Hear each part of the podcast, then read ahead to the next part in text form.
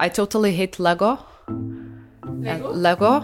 It's in almost all the houses. And imagine when you have to vacuum the carpet, and there are hundreds of Legos. Kvinnen som hater de små lekeklossene, hun heter Monica. Og Monica, hun vet aldri helt hva som venter henne på jobb. Men én ting er sikkert. I'm not a mate, I'm a cleaner. Monica pleier å bruke tre timer på å vaske. Aldri mer enn seks. For arbeidstida, den styrer hun selv. Lønna også, faktisk.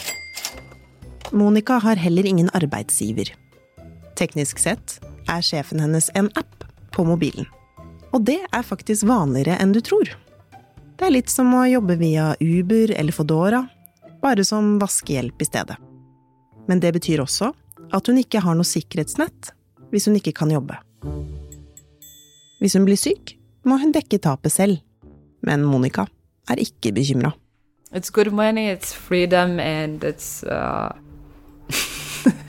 I hope so. There's gonna be a lot of these kind of companies where you can be free and happy. Ja, tenk deg en jobb hvor du kan jobbe når du vil, hvor du vil, uten en sjef som pusser deg i nakken. For noen høres dette kanskje for godt ut til å være sant. Men er det egentlig det? Jeg heter Maud Lervik, og du hører på Røsla, en podkast fra Fri fagbevegelse.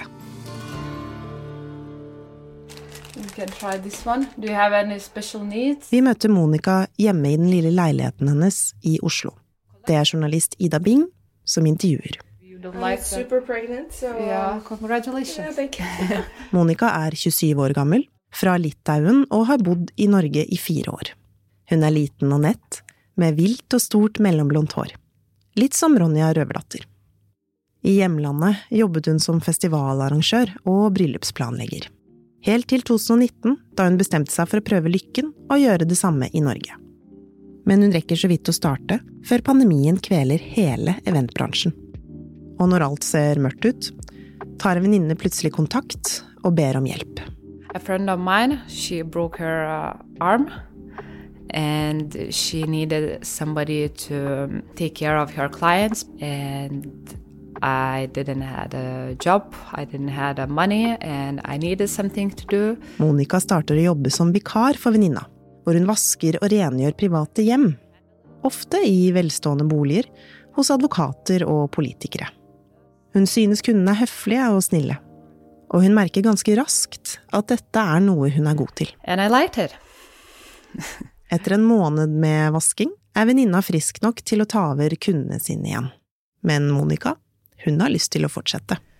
There are a lot of companies which you can work as a cleaner, but uh, I think my sister recommended me Vaskehjelp. Vaskehjelp er en nettside og en app der man kan bestille vaskehjelp hjem. Her får du opp tilgjengelige renholdere i nærheten av der du bor, og kan velge vaskehjelpen ut ifra anbefalinger. Litt som når du booker et sted å bo via Airbnb. Monica sjekker ut appen søstera anbefalte. Mm, then I checked that the salaries we uh, higher than a regular cleaner has. Hun oppdager at vaskehjelp har en ganske unik regel. Renholderne som registrerer seg i appen, kan ikke ta betalt under minstelønn.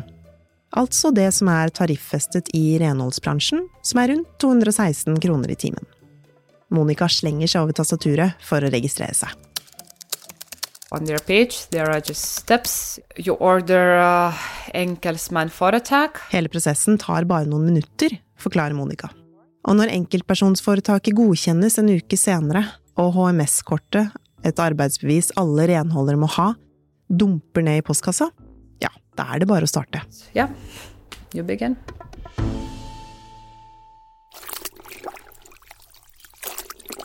Våren 2020 tar Monica sin første tur til et privat hjem for å vaske.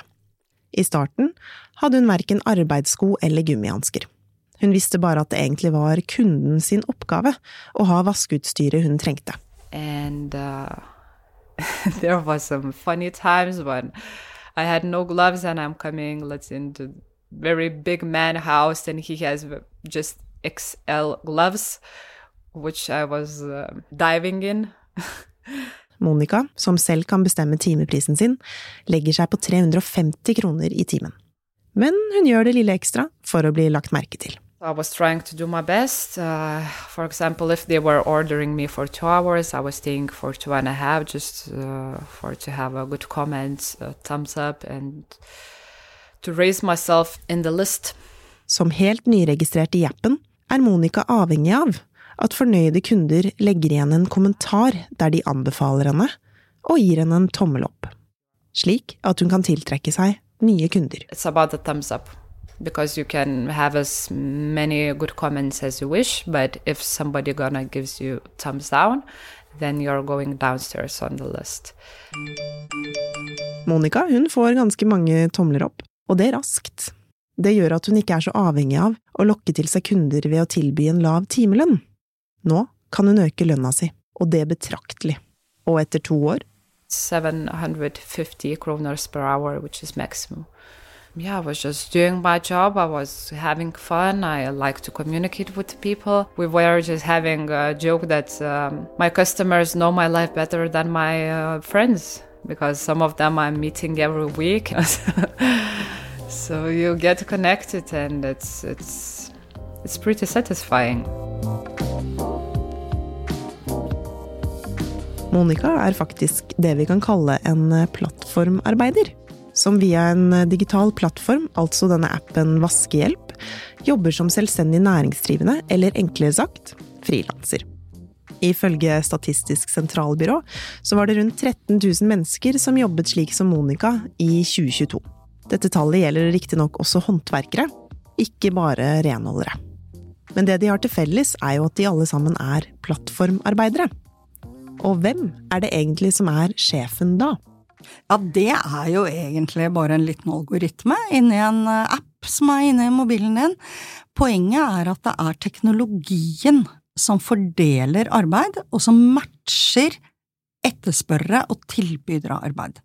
Elin Ørjasæter er dosent ved Høgskolen Kristiania og har fulgt med på utviklinga av denne type arbeidskraft, som har blitt mer populær de siste årene. I 2021 så jobbet ca 28 millioner mennesker via apper og nettsider, og det er bare innafor EU. Ifølge Europakommisjonen så forventes det at dette tallet vil stige til 43 millioner innen 2025. Men denne måten å jobbe på er ganske annerledes enn hva vi er vant til, forklarer Elin. La oss si du driver et budbilfirma.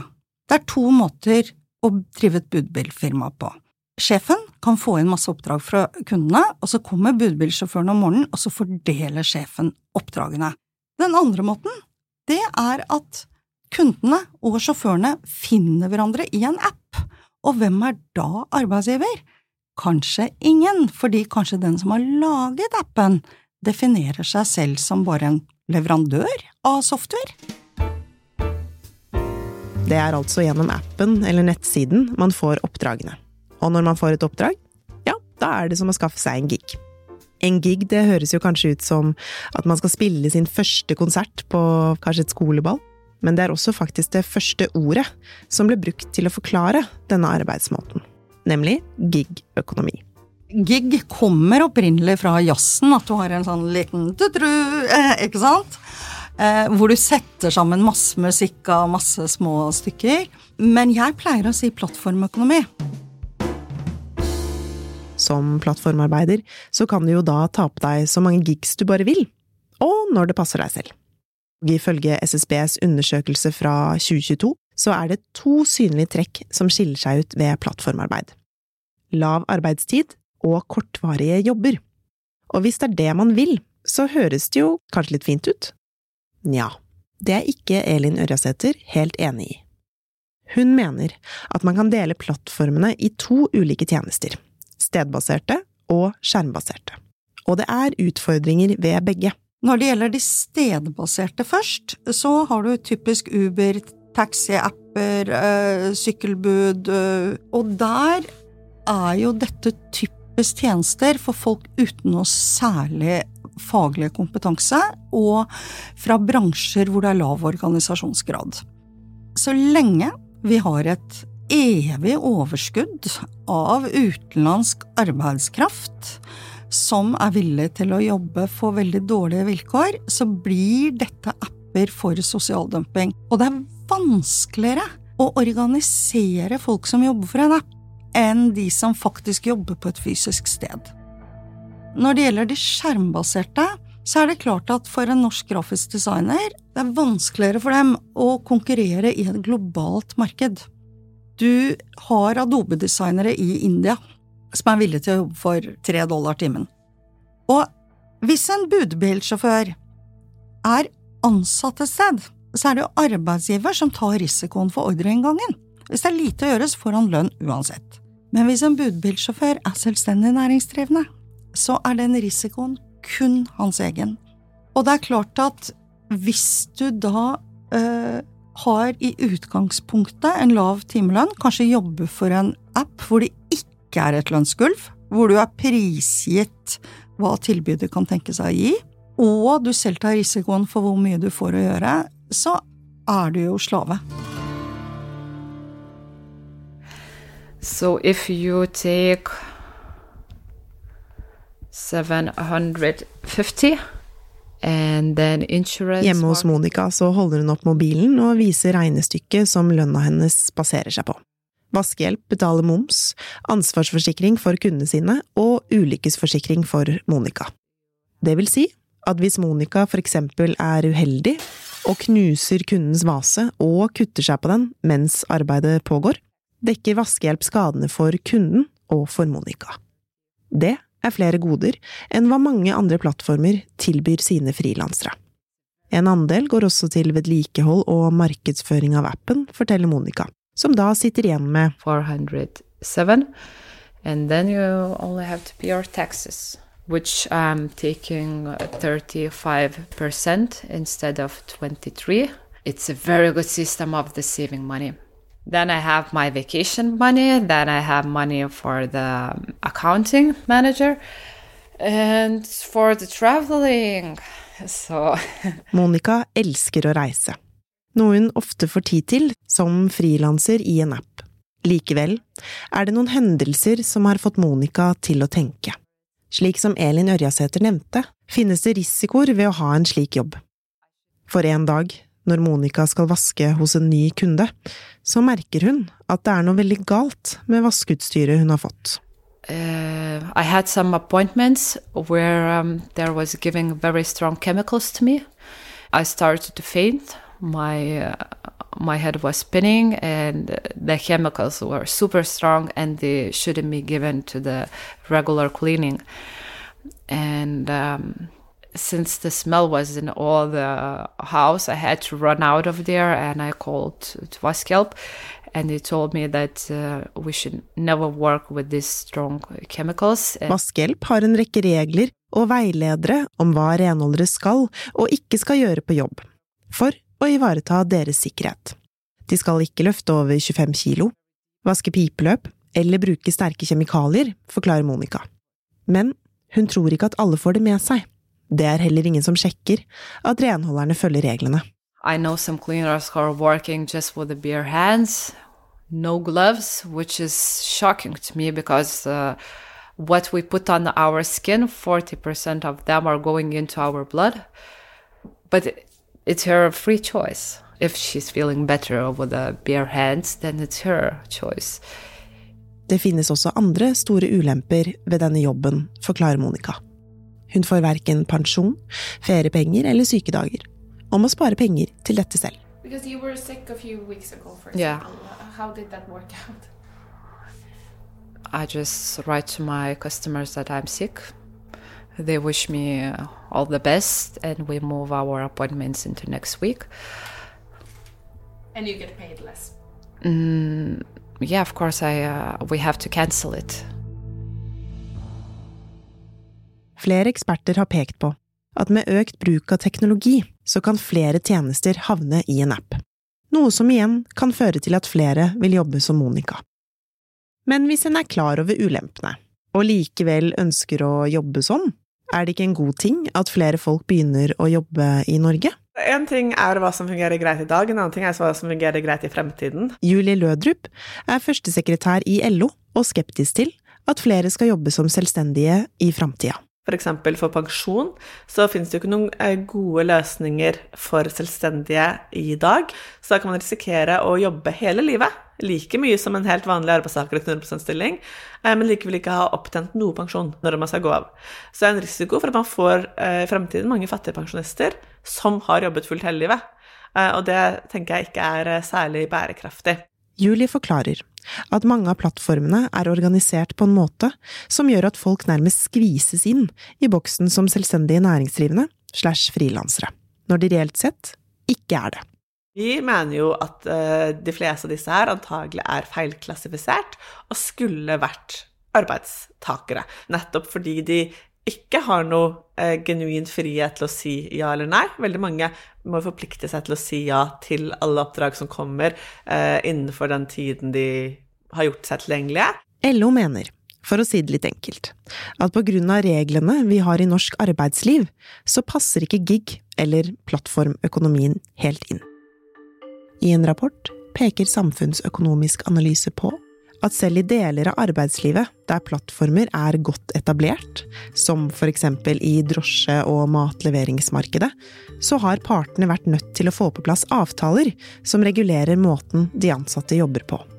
Rett og slett fordi arbeidstakere i Norge ikke godtar dårlige arbeidsforhold. Et godt eksempel på det er da Fodora streiket seg til en tariffavtale i 2019, forklarer Elin Ørjasæter. Jeg elsker jo tariffavtaler, for de er så morsomme å lese, fordi at de er så spesielle for ulike bransjer.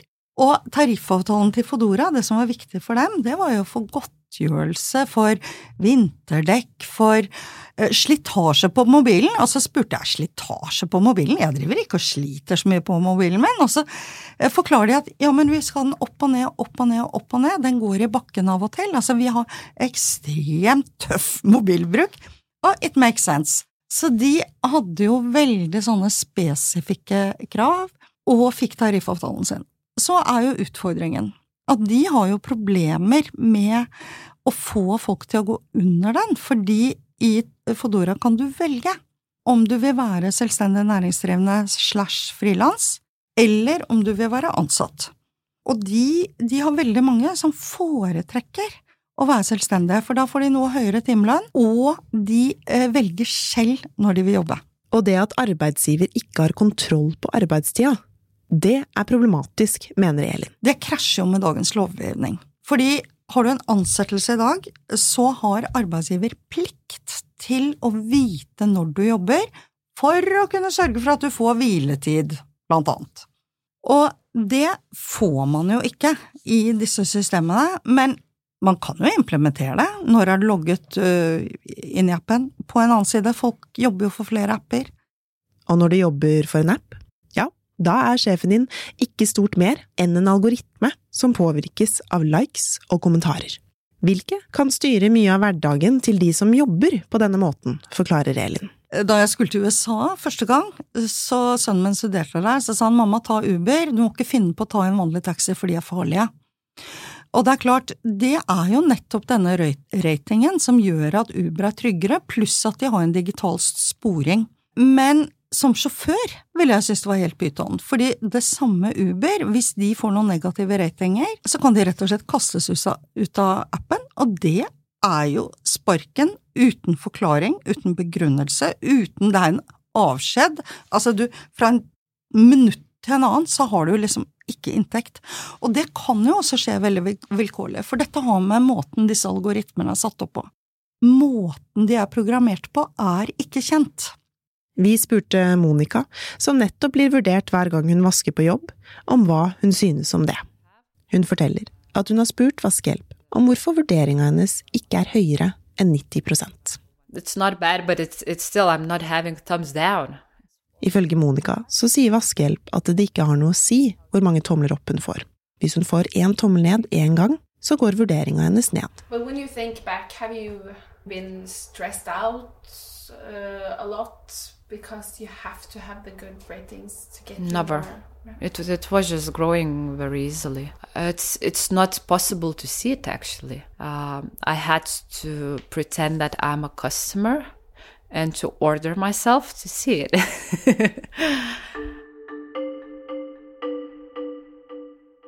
Røsla har spurt Vaskehjelp om de er åpne med brukerne om at de har algoritmer som gjør dem synlige på nettsiden og i appen deres. Daglig leder Espen Gerhardsen skriver i en e-post at de informerer renholderne om dette, og at de opplever, i likhet med Monica selv, at dette ikke stresser brukerne. Snarere tvert imot er dette et markedsføringsgrep for å sikre at renholderne får den mengden oppdrag de ønsker. Vi har også spurt Vaskehjelp om de på noen måte sjekker at renholderne jobber under gode forhold. Til det svarer Gerhardsen at alle renholderne er forsikret, og at forsikringa dekker ulykker på jobb, reise til og fra og tap som følge av skade. Videre skriver han at Vaskehjelps mål er ikke å konkurrere mot faste ansettelser, men at oppgaven deres er å sikre at renholdet foregår hvitt og lovlig og å tilby et brukervennlig, fleksibelt verktøy for selvstendig næringsdrivende renholdere.